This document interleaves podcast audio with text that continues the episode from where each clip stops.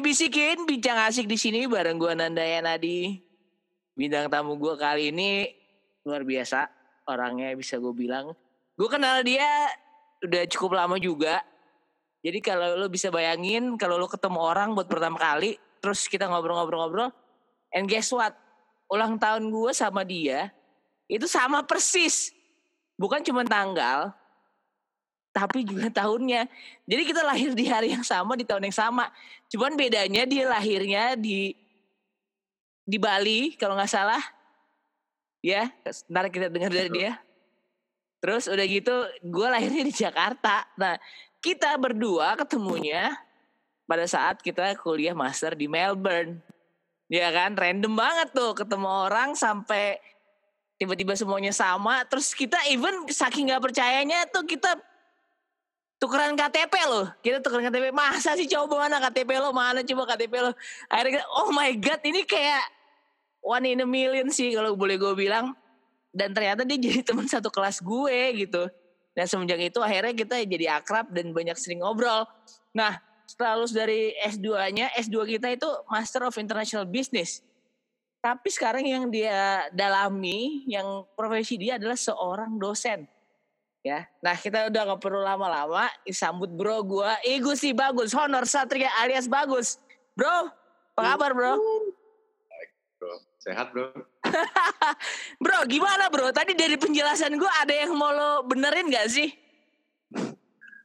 Uh, mungkin ini isi ini pakai sensor gak sih kalau gue ngomongnya? Enggak dong, kita nggak ada pakai sensor bro di sini bro.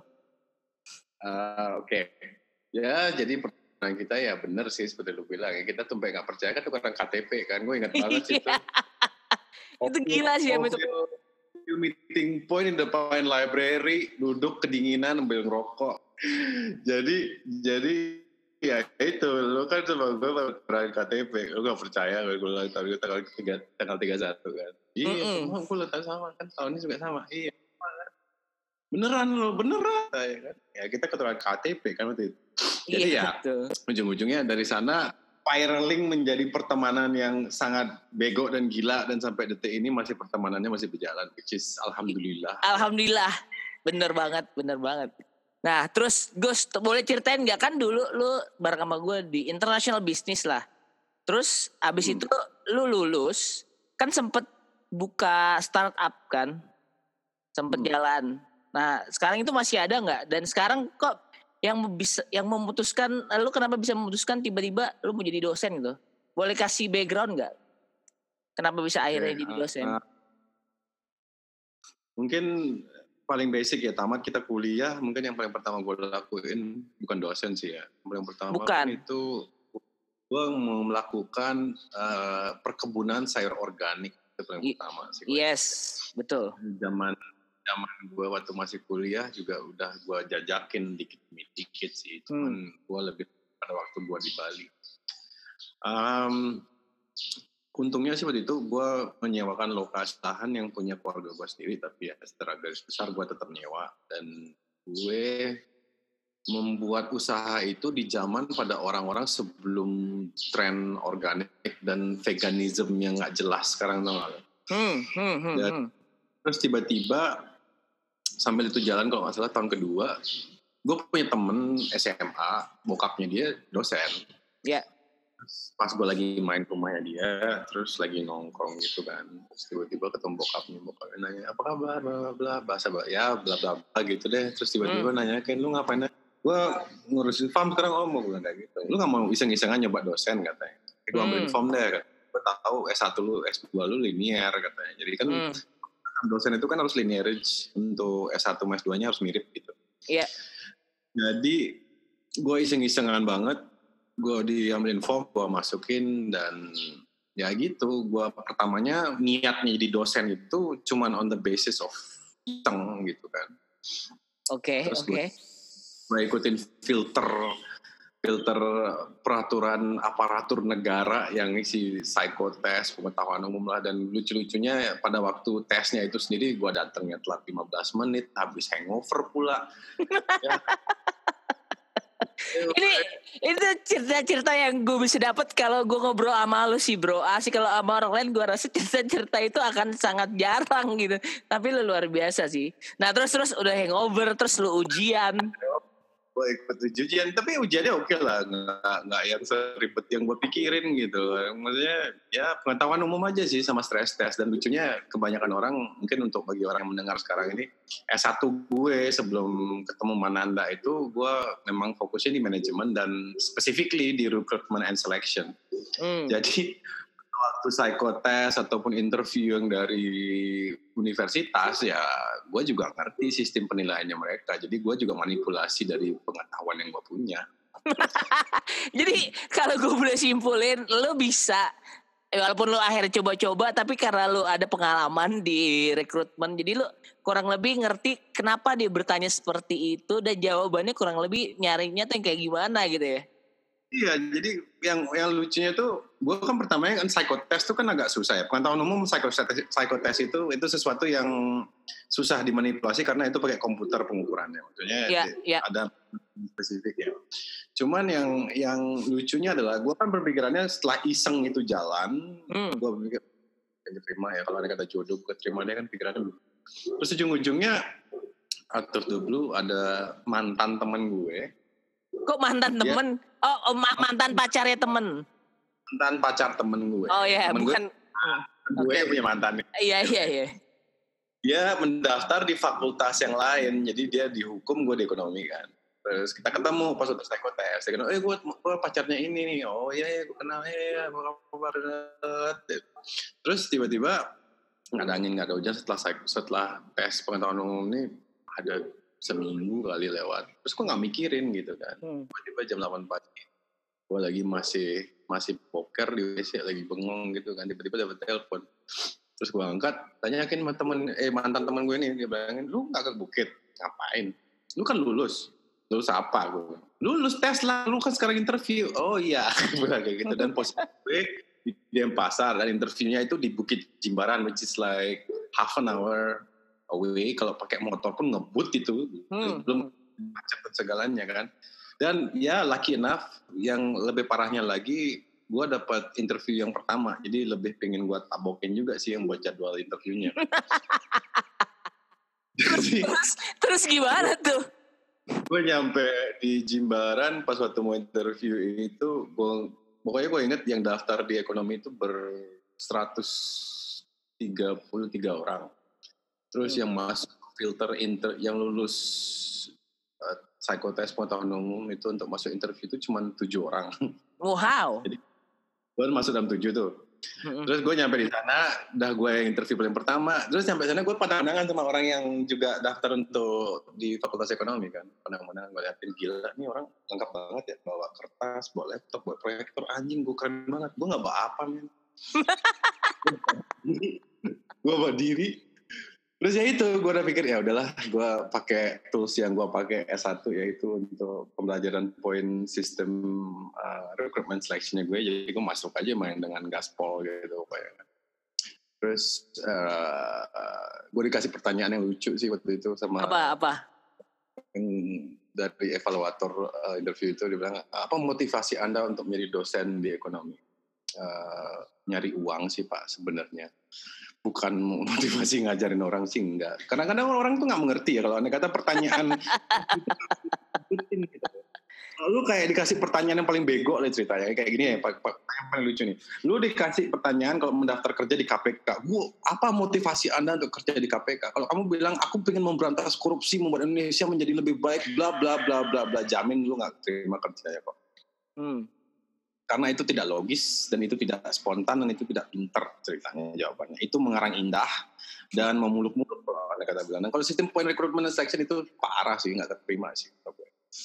Justru anda kata kamu menjawabnya secara logis ya seperti apa motivasi hanya untuk kerja ya jelas kerja kalau motivasinya kan untuk uang kan lu nggak mungkin kerja untuk charity doang kan intinya kan iyalah betul betul betul um, Terus mereka memberikan pertanyaan selanjutnya kenapa lagi selain uang ya aku juga pengen menambahkan ilmu dan gue juga pengen niatnya sih S3 sih memang niatnya ke depan. Tapi ya, hmm. masih niat masih sampai detik ini kan karena gue sebenarnya masih nyari ya hasrat untuk mau melakukannya karena like ya mungkin bagi orang-orang yang tidak mengerti S1, S2 dan S3, S1 itu kan mempelajari setengah dari buku yang tebal yang kamu dapat. S2 itu kan lagi setengahnya. S3 ya dari sesuatu yang lu nggak pernah pelajarin jadi ya begitu yeah. sih kasar. Bener-bener. Bagus tuh analoginya bagus tadi. Cuman ya, ya itu jeleknya adalah dengan situasi seperti gue dan lu ya ceritanya S1 dan ya gue S1 sama S2 gue kan di Monash tuh. Yep, di Melbourne ya. Dilemanya gue adalah dengan situasi S1 S2 gue di luar ya gue harus ngambil S3 sesuai peraturan Indonesia harus um, harus uh, ngambil S3 di luar nggak boleh dalam negeri karena hmm. faktor peraturan dan segalanya. Jadi menurut gue sih itu sih alasannya dan gue juga karena punya istri dan anak dan gue juga punya situasi-situasi yang lain yang gue lebih pentingkan sementara ini juga. Dan menurut gue sih S3 itu bisa diambil kapan aja sih bro. Hmm, betul. Betul. Gus, kalau kalau sejak ya Kan kalau tadi kan lu cerita awalnya adalah lu jadi dosen karena ketidaksengajaan lah bisa dibilang ya. Maksudnya lu iseng-iseng berhadiah lah istilahnya kalau kata orang gitu kan. Nah kan udah akhirnya lu dapet tuh. Nah ya. lu itu penyesuaiannya seperti apa nih? Yang tadinya kan lu pernah kebayang gak sih sebelumnya lu mau jadi di depan terus ngajarin murid mahasiswa itu? Masih bro, Mungkin yang paling lucu sampai detik ini sih teman-teman gue yang baik dari SMP, SMA ataupun SD ataupun kuliah pun sampai detik ini masih menanyakan lu bener jadi dosen.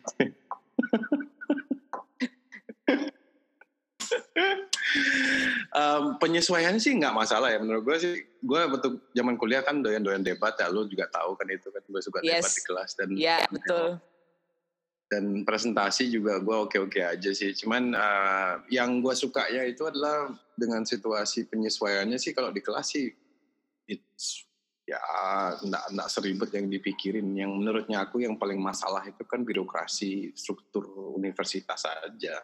Hmm. Belum lagi di Indonesia ada senioritas senioritas nggak jelas gitu kan. Wah harus kalau ini ini profesor, oh ini doktor nih, hmm. S1 nih S2. Aku aku penyesuaian terhadap uh, birokrasi uh, universitas yang paling males menurut aku yang hmm. tahap enam bulan pertama. Kalau untuk masuk kelas sih memang gue suka doyan ngomong aja sih. Kalau ada kata lu tahu kan kalau gue tahu.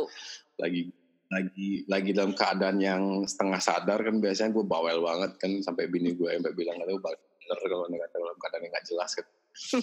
Jadi think it becomes quite naturally to me kalau andai kata kita ngomongkan uh, pengalaman mengajar ya. Cuman hmm. untuk proses tahap awalnya gue masuk menjadi dosen yang mungkin ya itu yang paling males sih birokrasinya aja sih.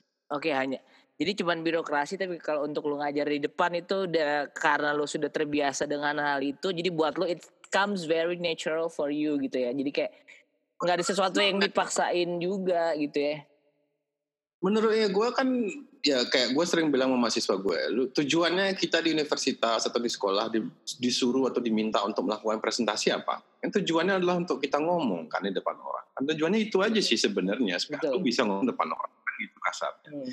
Dan lu kalau andai kata pada waktu kuliah lu juga parno ya kalau kamu kerja gimana? Kamu ngomong di depan 10 orang kamu parno cerita. Coba ngomong di depan 50 orang ataupun 100 orang ataupun 1000 ataupun sejuta ya ceritanya. Kamu harus lebih peka terhadap caranya kamu memberikan informasi gitu. Hmm.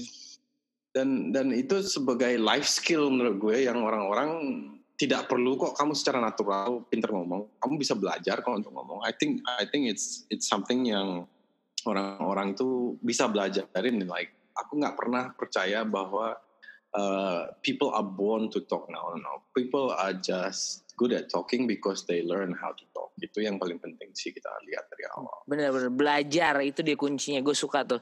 Belajar. Jadi sebenarnya nggak ada yang nggak bisa kalau lo mau berusaha. Nah kadang kan ada orang tuh kayak gue nggak bisa kalau ngomong di depan orang banyak. Kayaknya gue malu apa gimana. Padahal sebenarnya dia Jadi belum iya sebenarnya dia bisa belajar gitu. Makanya kenapa banyak banyak juga kan yang akhirnya dulunya pemalu terus ternyata akhirnya bisa jadi presenter even atau MC oh, gitu.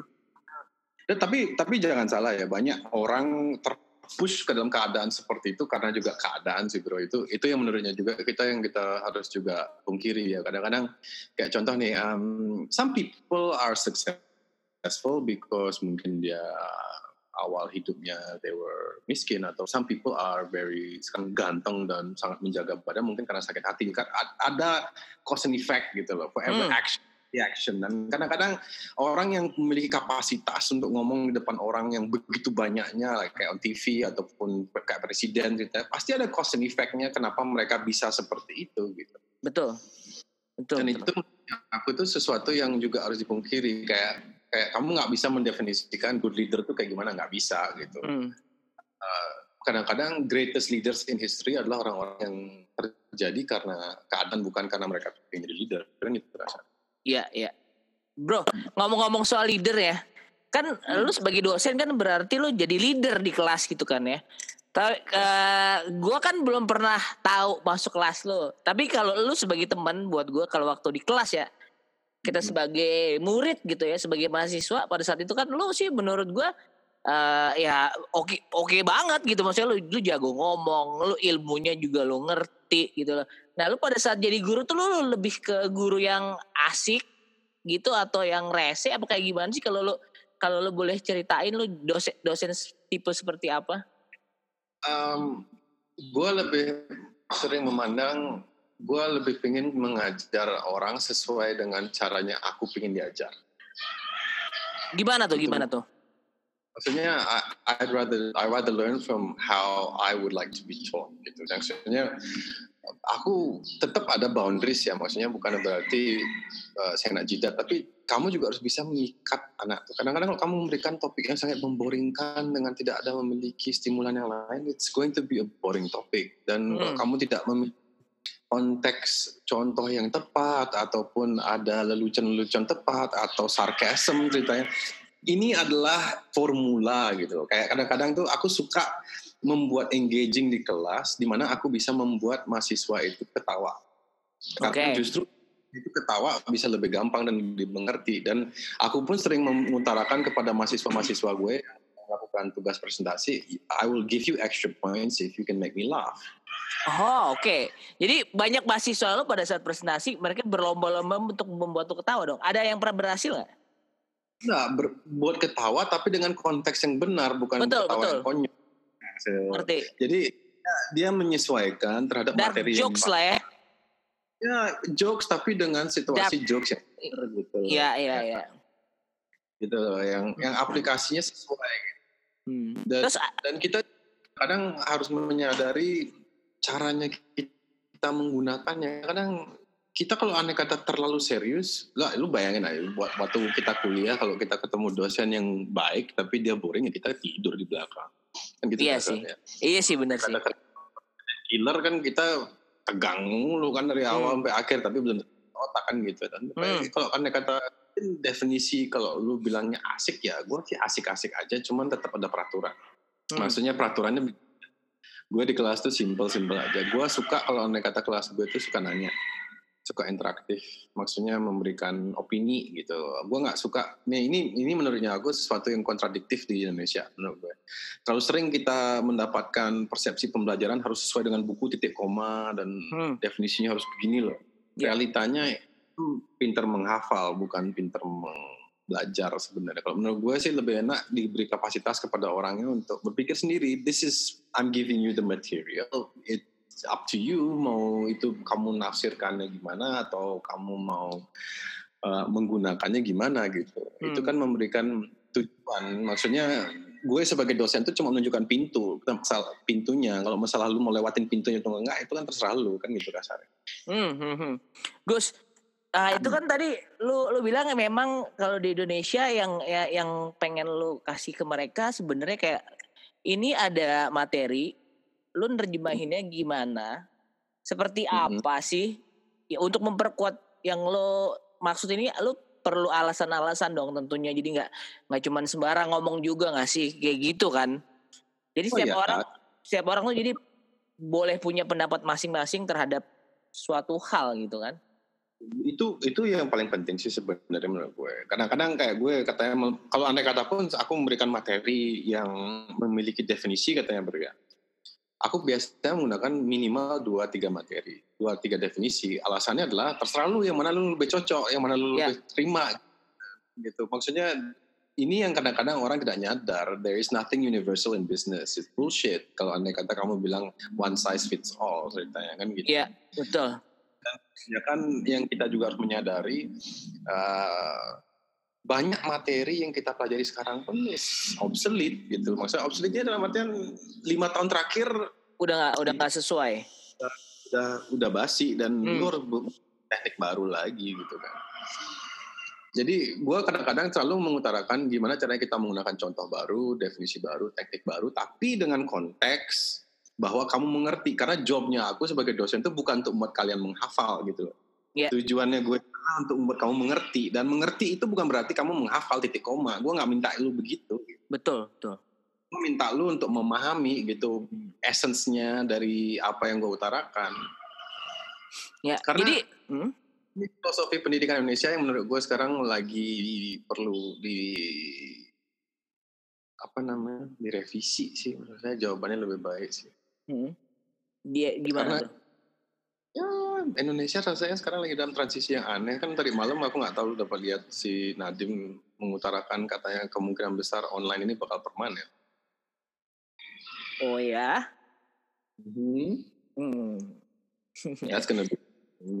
Mm-hmm. Well, it's gonna be interesting technically yep. menurut yep. aku. Mm-hmm inilah dilemanya satu. He, I, I think dia tidak mau statement yang memikirkan konteks seluruh Indonesia. Kamu harus hmm. memikirkan semua punya access to computers or even mobile phone ataupun yep. internet. Ya. Setuju. Kamu ini, pemerintah harus membuat infrastruktur internet gratis. Pemerintah memberikan peralatan. Oke okay lah, itu make sense gitu. Sekarang pemerintah hmm. melakukan nggak? Iya. Yeah. Betul, betul, betul, betul. Jadi memang ya belum mungkin saat ini belum bisa dilakukan lah ya agak agak susah dilakukannya karena kayak tadi lu bilang akses terhadap internet akses terhadap infrastrukturnya juga belum rata gitu kan? Belum belum rata. Cuman eh, itu maksudnya gue sekarang nih Indonesia ataupun dunia ya seperti kita pernah ngomongin dulu ya bro ya. Mm-hmm. uh, memiliki dilema terhadap menghadapi pendidikan online That's it. Mungkin simplisitasnya. Dan hmm. kalau gue sebagai dosen ya mem memberikan materi via online sama, ya hampir sama seperti kita di kelas. Cuman essence rasanya tuh lo nggak dapet. Itu yang menurutnya aku yang kadang-kadang kayak gue kadang-kadang tuh gue tipe orang yang kalau di kelas itu suka jalan-jalan bro. Ya. Jadi membuat mahasiswa itu sigap tengah lo.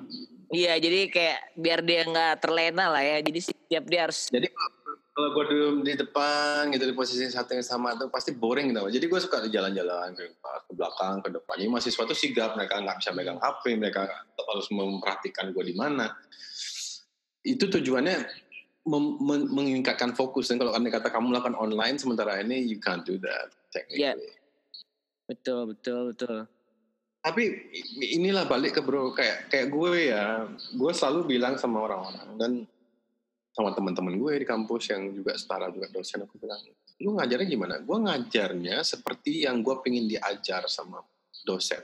Hmm. gue pingin kadang-kadang ada seriusnya gue pingin kok ada kadang-kadang itu ada konteksnya. Gue pingin kok pakai contoh yang memang gue ngerti gue nggak mau contoh yang dipakai 10 tahun yang lalu gue nggak nggak zaman itu gitu loh. Hmm, hmm, hmm, betul, gue betul gue gue pingin kok kadang-kadang ada ketawa dikit jadi supaya nggak boring satu setengah jam di kelas untuk mendengarkan orang membual tentang satu materi yang agak interested gitu. Hmm, hmm. Ini ini ini is formula yang yang yang perlu diterapkan dan ini tidak semua dosen bisa melakukannya. Pastinya sih, gue yakin. Karena yang hmm. berpikiran seperti lu ucapin ke gue aja tadi, menurut gue nggak semuanya seperti itu. Mungkin ada, cuman mungkin belum semua gitu kan. Ya mungkin beberapa orang yang sifatnya iblis ya kali ya, hmm. yang kayak kayak contoh nih, ini ini menurut gue tuh uh, teknik dosen paling malas. Ini dosen malas nih ya. Oh, hmm. kamu melakukan presentasi nggak materi ya kamu? Oh ya, gue setiap minggu melakukan presentasi. Oh, gue kasih mahasiswanya melakukan presentasi. Nah, itu mahasiswa dosen males tuh. Dia presentasinya cuma minggu satu, minggu dua, minggu tiga sampai minggu tiga belasnya semua tuh dibuatin kelompok tuh mahasiswanya terus habis itu di kelompoknya sama mereka presentasi. Itu dosen males tuh. Cuma nonton. Hmm. Dia juga nggak terlalu mengerti materinya artinya. Hmm. Maksudnya gue nggak masalah mahasiswa itu presentasi. Cuman maksudnya gue lu mengerti dong konteksnya gitu. Gue lebih suka ngasih presentasi itu kalau andai kata sifatnya kayak case gitu. Jadi Betul. mereka menganalisis pasti they understand what I taught them gitu loh mas. Hmm. Jadi lebih ke case study ya. Hmm, bisa case study, bisa juga konteks case atau example case yang yang gue kadang-kadang suka menggunakan konteks case aja sih menurut gue. Hmm. Karena Biar gampang, mem- biar gampang. ya gue bisa membuat skenario terserah gue gitu dan Hmm. mereka evaluasi sesuai, sesuai dengan skenario yang gue beri gitu. Kalau andai kata gue menggunakan contoh real bisa-bisa aja, cuman dilemanya adalah datanya bro. Mm-mm. Limitnya banyak di data. Maksudnya maksudnya bukan data dalam artian kuota internet, no, no, no. Ini data terhadap uh, research. Data research, research data. Hmm, jadi kalau andai kata kayak kita dulu di Monash ya, kita kan jadi mahasiswa kan langsung dapat akses ProQuest tuh dan kita mau akses any journal from any part of the planet ya itu sudah Gampang. Itu kasarnya. Mm-mm, betul. Universitas gue, mereka cuma punya uang yang dibajetin oleh pemerintah dan cuma aksesnya cuma covernya tok. Covernya doang lagi. Covernya doang kan, dan kalau kita mau ngelanjutin untuk minta jurnal itu ya kita harus bayar. Hmm. Iya, ya ngerti-ngerti. Waduh, jadi memang sekarang pun untuk bisa dapat akses-akses yang seperti itu ya belum boleh dibilang belum jadi nomor satu lah ya si budget tadi itu belum buat itulah.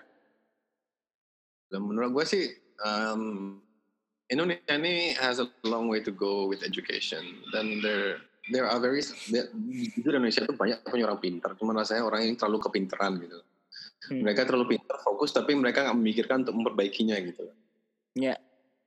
Ya. ya ya. contohnya oke kalau kita nggak punya sistem untuk akses pada ProQuest karena terlalu mahal oke make an Indonesian based system Mm-mm. semua universitas Indonesia itu punya database yang dikontrol oleh pemerintah yang bisa diakses oleh seluruh mahasiswa di dalam Indonesia.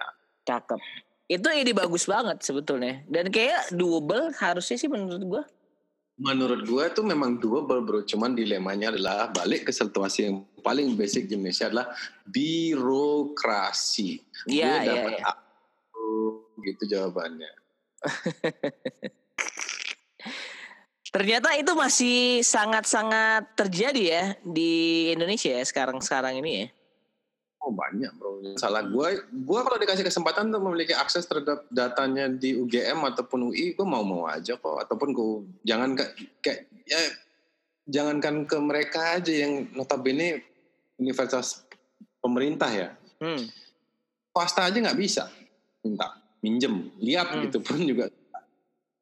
Hmm. Maksudnya kan tujuannya kita berpendidikan kan sharing bro. Oke lah, lu punya jurnal, nggak ada salahnya kok lu sharing sama orang-orang kan itu kan menunjukkan kapasitas kan. Iya benar. Nah, ini dilemanya sekarang di Indonesia like, even in the world kalau menurut aku kalau kamu kamu sekarang memiliki teknik pendidikan tapi you don't give the tools for it it becomes a problem itu itu yang it- kayak sekarang kamu mengharapkan kita belajar online toolsnya nggak ada kamu mengharapkan kita presentasi online toolsnya juga nggak terlalu efektif dan tidak terlalu make sense dan it's not easily accessible dan eh, banyak lah panjang listnya ini kalau anda kata tapi eh, secara rangkum eh, pendidikannya kita memang needs a very big reshuffle. Maksudnya reshuffle bukan dalam artian ganti menteri no. Maksudnya ini ini perlu dipikirkan kembali dari nol. Maksudnya Iya. dulu terlalu sering berpikiran bahwa pendidikan yang kita aplikasikan di gedung kita masukkan online it will work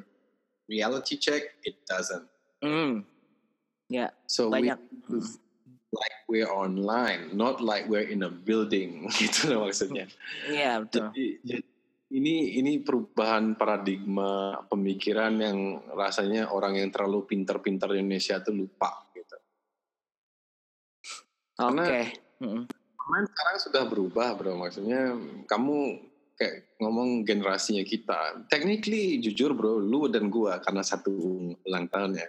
We are already old man. Kita tuh tua, tuir kalau ada kata orang Jawa bilang kan. Cuma generasinya kayak gue, gue punya adik yang umurnya uh, sekarang he's 17, okay? Yep. 17 tahun. 3 plus kalau aku bilang. Dan generasinya dia sama gue, bah, jaka semung, bawa gitar nggak nyambung treng. Hmm. Cara mereka berpikir, cara mereka bertindak, cara mereka ngomong, cara mereka berinteraksi sudah berbeda. Dan di bawahnya mereka anak gue, bah, lebih lain lagi. Lebih lagi, betul. Anak lu man gue ujung-ujungnya nanti nggak bakal lihat buku bro. Pada waktu SD itu bakal mainnya tab mulu. Betul. Betul. Bakal nggak bakal pakai kertas itu paperback sudah rasanya non existent rasanya nanti ujung-ujungnya bakal slogannya save the trees don't print paper nanti gitu. Iya, betul betul. Benar, harusnya memang begitu sih.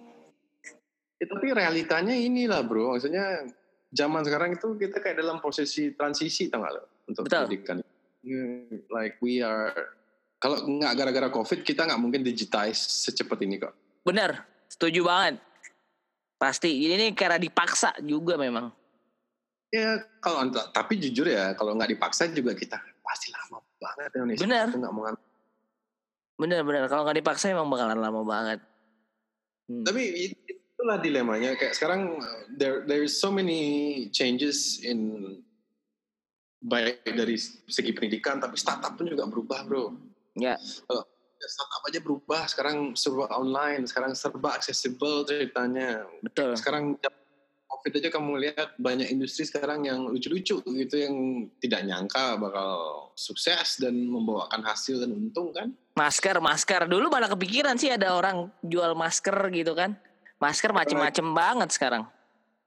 Iya, belum lagi hand sanitizer bro. Hand sanitizer, bener. Even brand-brand yang dulu sebenarnya nggak pernah nyentuh ke arah situ aja bikin hand sanitizer. Makanya. Sampai sekarang ada butik hand sanitizer bro. Iya, iya luar Jadi- biasa. Jadi nggak tahu itu ada BPOM-nya kayak ada dem Kemenkesnya kayak nggak tahu pokoknya hand sanitizer. Iya, bunuh kuman apa? Gus, gue ada 10 quick question. Gue udah gue bikin khusus buat lo. Ya. Jadi jadi gue kasih kayak lo dua pilihan lo tolong jawab dengan cepat. Ini ya. jadi sebisa mungkin gue yang kira-kira pertama kali pop up di pikiran lo yang mana udah langsung jawab. Oke ya, siap ya? Ya. Yang pertama, Bali atau Melbourne? Bali. Oke. Yang kedua, ngajar atau hunting makanan? Hunting makanan. Ya Pak, saya hargai kejujuran Anda. Yang ketiga nih, Anthony Bourdain apa Gordon Ramsay? Anthony Bourdain. Oke. Yang keempat, dosen atau entrepreneur? Entrepreneur. Yang kelima, kuta atau canggu? Abstain. hey, no, no, no. Eh, lo harus jawab, men. Uh, Oke, Kuta is is my hometown. Oke. Eh, lampunya, kalau waktu tidur lu lampu nyala atau lampu mati? Sekarang mati bro, dulu nyala. Berubah ya. Oke, Nah, lu Ini sama sama istri beda bro. Iya iya iya. Paham paham. Terus eh, Android atau iOS? iOS. Hmm. Bubur diaduk atau bubur nggak diaduk? Bubur di Mall atau museum? museum. Oke, yakin. Oke. Oke, yang terakhir. Yang terakhir, face to face atau online? Face to face. Oke. Selamat Anda berhasil melewati 10 quick question dari gue. Gus, Lucunya tentang ini mungkin untuk menjawab pertanyaan yang 10 lanjutan dikit aja nih. Kenapa Apa face tuh? to face?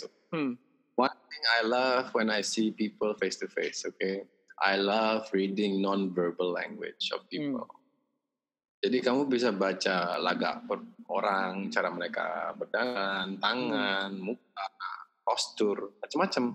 Dan itu juga ada memberikan pesan sih. Maksudnya dari segi informasi yang kamu dapatkan tanpa mereka mengeluarkan dari mulutnya itu banyak sekali kamu dapat face to face online it's totally bullshit everyone can have the poker face online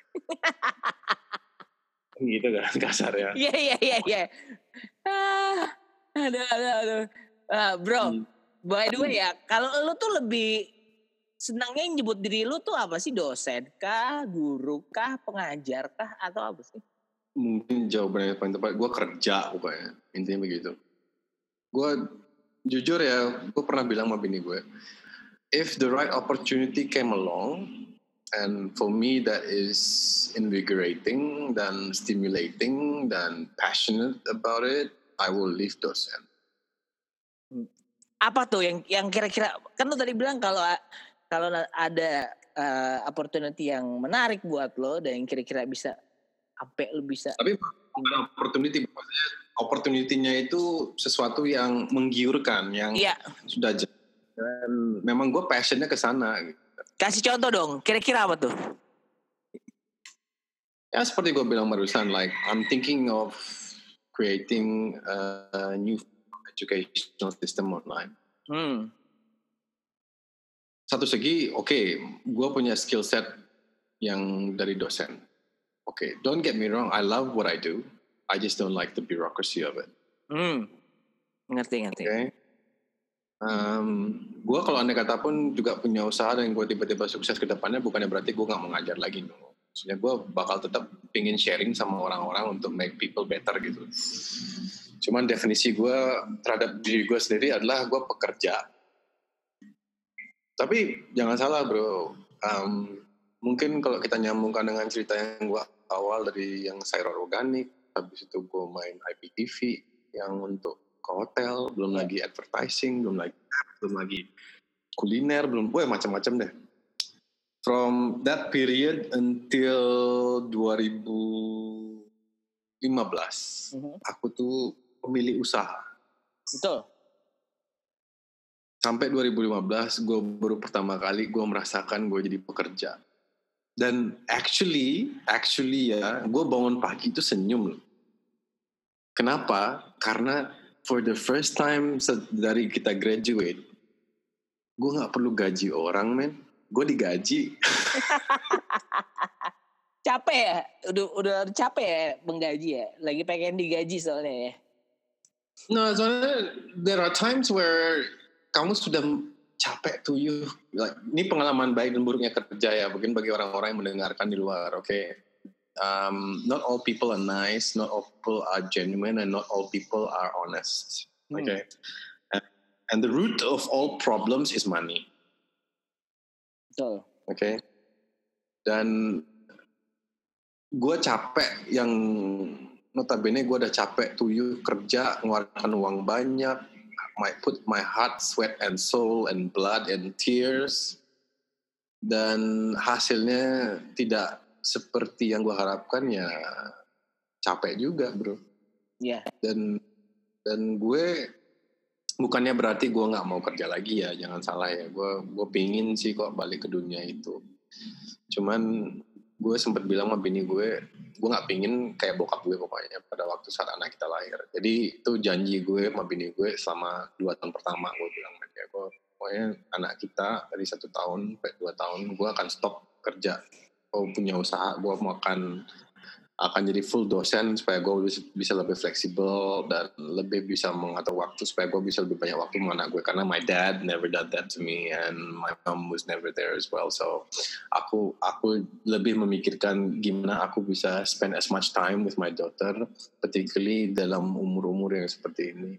Dan untungnya dari dari saat itu gue alokasikan semua capacity skillnya gue yang resource yang gue pakai di usaha-usaha gue sebenarnya gue alokasikan semua ke bini ke Grace. Hmm. jadi mm, justru malahan usahanya dia yang awalnya dari sebuah Instagram menjadi sekarang dia physically sudah punya empat toko. Yo which is keren. amin dan itu berkat hasilnya. Gue kerja sama bini gue karena menurut gue sih ujung-ujungnya pun gue kalau anda kata punya usaha ke depan lah saya bini gue harus terlibat juga di usaha gue kalau anda kata enggak gue kletor juga pasti. Karena bedanya bini gue sama gue adalah she is so good with money and I'm shit with it technically. So I think it's better to understand your weakness yes and accept betul. dan menarik menarik. Betul, betul. dan dan lebih memfokuskan pada what you're technically good at gitu. Maksudnya gue gue jujur kalau gue bikin usaha ke depannya gue pingin tuh kita punya accounting katanya contohnya nih dan gue auditornya itu adalah bini gue. Gitu Hmm. karena she has background in bank dan saham dan falas jadi she has that capacity to simulate and speculate very well. Dan I don't have that skill. Aku cuman rasanya lebih pintar belanjain daripada yang nyimpen dong sama sama cuman ya itu bro. Maksudnya gue gue jujur ya gue bilang dari sekarang dosen tuh pekerjaan yang sangat mulia kok. Cuman it's not as stimulating as most people might think dan dan highly repetitive. Dan lu lu pun di mana pun siapa pun yang mendengar ceritanya kita hari ini, pekerjaan apa pun kalau kamu melakukan hal yang sama again and again and again gets boring. Betul dan gue sekarang udah technically jadi dosen September ini 11 tahun. Wow keren banget. Keren keren keren. Nggak berasa ya Cuman ya itu. tau udah 11 tahun gitu ya jadi dosen ya? 11 tahun. Dan gue bukan junior lagi di kampus. Gue udah kategori udah senior. Teman sangkatan gue udah dekan. Mantap. Lu kalau misalnya lu tau-tau disuruh jadi dekan gimana lo Nggak. Enggak. Oh. no, Kenapa? that- that's well kamu bisa ngelihat kok dosen-dosen yang tipe orang yang ambisius untuk karir dan ada tipe dosen yang cuma coasting aja maksudnya coasting itu adalah mereka ngajar mereka punya usaha di luar dan mereka mungkin menggunakan kesempatannya mereka untuk mengajar itu untuk belajar dan networking aja sih Hmm. Ya, ya, ya. Ada juga ya begitu ya, yang kayak gitu ya. Banyak ya berarti ya. Oh, kelihatan kok yang ambisi karir itu kelihatan yang males mengurus surat menyurat tuh kayak gue itu kelihatan juga gitu. Iya, iya, iya. Karena ya itu gue seperti gue bilang kalau awal kalau andai kata pun ya andai kata gue ada tawaran untuk membuat sesuatu yang menggairahkan yang has a very high potential of yielding a lot of money and success and also has the potential to change the world why not Not. Yep. Kenapa why not gitu maksudnya gue stop jadi dosen gue bisa kok mengundurkan diri gue bilang gue sorry ya gue nggak bisa cukup waktu untuk membagi kalau aneh kata gue mau mengejar ini kok gitu loh. karena gue pun kadang-kadang juga sering menanyakan pada diri sendiri do I see myself doing this for the rest of my life and the answer in my soul is no Iya, iya, iya, iya. Ngerti, ngerti. Gus, eh, next question dari gue itu, kalau menurut lo nih, yang kalau di luar sana ada orang-orang yang lagi mungkin menimbang-nimbang mau jadi dosen gitu. Menurut lo apa sih yang paling penting seorang dosen versinya bagus tuh dosen yang bag versinya bagus, dosen yang bagus seperti apa? dosen yang bagus menurut gue itu adalah orang yang memiliki integritas satu have your own style you have your own opinion you have your own approach itu paling penting satu yang kedua you are willing to bend rules to the maximum. You're not breaking them. You're just Okay. bending. Si sampai poin mana kamu bisa lakukan hal yang kamu pengen lakukan. Aku lebih suka orang yang memang tipe yang stand out gitu. Maksudnya dia teknik gaya ngajarnya berbeda gaya berpakaian yang berbeda gaya ngomongnya berbeda gaya berpikir terutama sih menurut aku sih lebih susah. Itu yang paling susah ditemukan sih sekarang. Kayak lu pernah gak sih ketemu sama orang yang lu pertama lu baru pertama kali kenal lu, lu ngobrol cuman 10 minutes lu kayak fuck can we sit down for another three hours to talk Iya, iya, iya, ya. iya, iya, iya, ngerti, ngerti. gue pengen ketemu gue pengen duduk malu tiga jam gue pengen petik otak lu dikit gitu cerita Hmm. gue pasti tipe dosen tuh yang kayak gitu yang always curious always asking the status quo gitu loh itu bagi gue sih mungkin satu adalah integritas, yang kedua adalah you have to have a good character, three you have to be unique to your own self, and four you have to basically be someone that asks the status quo. Hmm. Jadi selalu update, Karena, jadi biar update terus ya jadinya ya.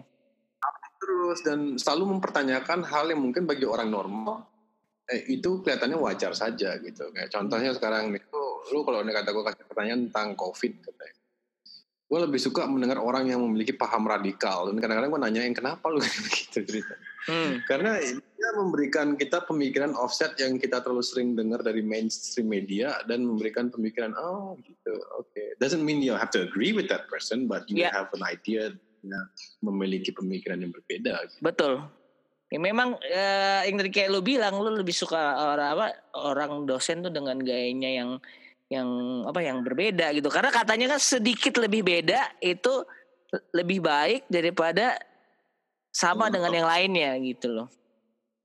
Tapi itu bro, maksudnya di Indonesia dilemanya adalah gue lebih suka dosen yang integritas. Hmm. Itu itu mungkin kalau teman-teman gue dosen dengar pun sekarang pasti mungkin ada beberapa yang sensitif ya terhadap itu ya. Maksudnya integritas itu bukan berarti dalam artian uh, uang ataupun dalam artian apa sosial. Maksudnya integritas tuh you do your job according to what you are paid to do. Ngerti yep. maksudnya? Ngerti. Kalau lu, lu lu punya janji sama orang lu stick to it. You janji sama mahasiswa you stick to it. You you punya you punya keadaan tertentu uh, kayak lu nggak lu, lu kerja lu jangan berak di, di tempat kerja maksudnya berak tempat kerja lu jangan maling di tempat kerja lu jangan yeah. main mahasiswa siswa di tempat kerja. Lu jangan uh, melakukan hal negatif di tempat kerja, jangan sara kayak politik hmm. kayak gosip kayak kerja eh kerja gitu maksudnya sampai poin di mana kamu memang memiliki integritas dan orang tahu tuh bahwa kamu tidak bisa diganggu gugat gitu. Ya ya ya. Betul betul betul. Kayak, betul. Eh, gue gue di kampus gue ditawain kok gue suka mabuk kok jangan salah ya gue gue I'm not gonna lie about that. I love drinking, don't get me wrong, but doesn't mean that I don't finish my job gitu yep. maksudnya. Walaupun gue nakal, sukanya mabuk, party dan segalanya, bukan berarti gue nggak nyelesain kerjaan ya. Sorry ya, itu bukan cara kerjanya gue. Iya, betul betul. Gue setelah beres, gue baru party nggak masalah. Mau lu protes kayak gimana juga bilang kerjaan gue udah beres. Mau terserah lu, kayak mau hmm. ngapain, mau loncat, terserah lu kan. Mau hmm. mabuk gue. Iya benar. Tapi ber gitu maksudnya integritas you have your own principles. You have you have integrity. Kamu kayak contoh nih let's say skenario asumsi nih. Ada dosen minta gue tiba-tiba karena dia punya keponakan di kelas gue pak uh, minta tolong ya nitip anak satu bla bla bla untuk hmm. dia di kadang banyak orang nggak menyadari gue bantu kok gue bantu kok kalau nekat orang kayak gitu. Tapi bukan berarti gue bantu satu orang. Satu kelas gue angkatin. Jadi supaya, supaya gue sembunyiin orang itu gitu. Kalau aneh kata hmm. orang itu memang baik ya gue satu kelas gue angkatin. Kasihan masa satu orang ini aja gue angkatin gitu mendingan iya gue satu kelas. Benar, karena benar. gitu loh maksudnya aku. Orang ini sebenarnya sudah nggak pernah kuliah ataupun malas ataupun apa perbandingan sama orang yang kelasnya yang rajin bener ceritanya dia memiliki nilai yang sama it doesn't make sense it's not fair Betul. jadi maksudnya gue integritas tuh kayak gitu gitu maksudnya yeah. ini ngomongin realita aja ya bukan ngomongin muluk-muluk nih ceritanya gitu. Hmm. Ya ya ya. Gus, kalau dari lu sendiri nih dari sekarang ini sampai lima tahun ke depan lu ada sesuatu yang pengen lu capai gak sih? Lima tahun lagi lu kira-kira apa sih yang di pandangan lo sekarang ini lima tahun lagi ini bagus nih seperti apa sih? Gue mungkin nggak jangan lima tahun ke depan deh. Mungkin target gue di umur 40 kali ya. Mm-hmm. Not too far for us. Yep. Just a yeah, couple more years. A couple more years and we'll be there. Tapi maksudnya at, at least um, target gue sih umur 40 gue bisa membuat sesuatu yang gue uh, banggakan, yang I can be proud of. Itulah maksudnya. That's probably my target for the next two years. Hmm. Maksudnya, I don't will be. I don't know what it will be as. Uh, aku sih targetnya seperti itu gitu. Kalau anda kata orang-orang targetnya mungkin pinginnya kayak Bill Gates atau mungkin Jeff Bezos kali sekarang ya. Tapi menurut gue, I don't want to be like them. I want to be like me ceritanya. Iya, betul. tapi ya itu target gue dalam lima tahun ya mungkin kalau sesuai dengan jawabannya lo dalam lima tahun terakhir dari lima tahun ke depan ya gue pengen membuat sesuatu yang bisa membantu dunia gitu intinya begitu sih keren didoain bro. Semoga kesampaian cita-cita lo mulia banget soalnya. Nah uh, pertanyaan terakhir nih. Da, nggak dapat uang juga sih bro. Itu kan charity namanya pak mulia. Iya pastilah. Nggak maksudnya mulia tuh artinya lu punya tujuan untuk membantu ya. Tentunya juga lu nya juga nggak nggak nggak menderita dong. Kan sama-sama harus menguntungkan lah gitu. Hubungannya kan seperti itu bro iya. nggak berasa uh, waktu juga nih yang memisahkan kita akhirnya nih ini pertanyaan terakhir nih dari gue ya. untuk obrolan kita uh, kira-kira nih kalau lu nggak jadi dosen lu bakal ngapain sih um, kalau gue nggak jadi dosen, kemungkinan besar sih gue gue pasti kerja di bank sih mungkin ujung-ujung. Ada satu bank tertentu yang lo mau kerja di situ? Um, enggak sih, karena dilemanya adalah hampir semua orang dalam posisinya di gue Bali yang tidak mendapatkan akses gampang ke kerjaan pasti ujung-ujungnya ada yang ke bank. Hmm. Gitu ya? Karena bidang kita, international business aplikasinya banyak di bank dan kemungkinan kalau aneh kata ya mungkin bank internasional kali aplikasi kayak okay. mungkin atau DBS atau di bank or whatever ceritanya. Maksudnya it will eventually be a bank or either a bank or hotel. Jadi itu mungkin industri yang bakal keserap sih. Hmm oke. Okay. Gus uh, ada kata-kata penutup nggak buat yang dengerin podcast gue ada pesan mungkin apa? Um, mungkin pesannya gue kepada semua orang satu ya. Everyone is smart at something. You just need to accept it but embrace your uniqueness your weirdness your, quirks your faults your flaws because they are your own. And make it your own. I think that's something that everyone needs to remember. Kadang kita terlalu sering mempersepsikan bahwa orang ini pinter ya pinter apa gitu kasarnya kan ya mungkin ada orang yang pintar pendidikan ada yang mungkin pintar sosial atau mungkin ada orang yang pintar konsep ada yang mungkin orang pintar ngomong. Macam-macam pintarnya orang cuman kita harus menyadari dan menerima aja itu yang paling penting. Apalagi di zaman dunia sekarang yang mungkin kita ngelihat banyak perbedaan. Baik itu dari warna kulit ataupun agama ataupun pemikiran ataupun ideal idealisme hmm. atau hmm. art. Mungkin kan gitu kasarnya. Maksudnya if we learn to respect differences, we get rid of hate, stereotyping, and bias. Karena kunci kita menjalankan ke dunia ke depan ini adalah cuma mengerti, understanding. Kalau anda kata tanpa understanding, ya kita akan selalu membuka ruang untuk stereotyping, bias, and racism. Iya. Yeah. Jadi ujung-ujungnya ke malah yang dibikin bukan uh, persamaan malah cari perbedaan akhirnya jadi kebencian yang tercipta gitu ya. Iya, yeah, keben bukan kebencian sih bro, maksudnya perbedaan, maksudnya Iya, perbedaan. Perbedaan gitu like. Padahal sebenarnya kalau kita bisa menerima perbedaan kan emang semua orang udah pasti berbeda gitu. Ya udahlah, kita harus embrace perbedaan-perbedaan itu bukan perbedaannya dicari bukan buat kayak di semakin dibeda-bedain tapi perbedaan itu dicari adalah kita dipahami bahwa memang kita semua itu adalah berbeda gitu nggak akan pernah bisa sama. Tapi ya udahlah kan tiap orang kan memang akan seperti itu ya akan berbeda-beda gitu. Ya tapi itulah maksudnya kadang-kadang orang-orang kadang-kadang lupa. Perlu diingatin sering-seringan gitu bahwa perbedaan itu bagus gitu. Bukan sama itu bagus gitu loh. Maksudnya gue nggak suka kalau anda kata kayak orang itu bilang gue berbeda. Tapi lu gaya pakaiannya sama gaya ngomongnya sama cara berpikirnya sama ya sama juga bohong kan hmm. ngomongnya. Hmm. yang hmm mendingan kita ketemu sama orang yang dananya quirky nggak jelas gitu tapi gaya pemikirannya unik dari gaya gaya tindakannya juga unik gitu loh. Kayak sama aja kayak orang yang bertato belum tentu semuanya penjahat kan itu kasarnya. Betul ya. betul. Kan ngeliatnya dari segi eksteriornya aja kan mungkin aja hatinya lulu suka main hmm. kucing di rumah nggak kita nggak tahu kan. Betul betul. Nah ini sekali. ini perbedaan aja bro. Maksudnya everyone is smart, everyone is unique, everyone is capable. As long as we have room for understanding. Understanding. Kuncinya di situ memang understanding. Oke. Okay. Ya. Oke. Okay.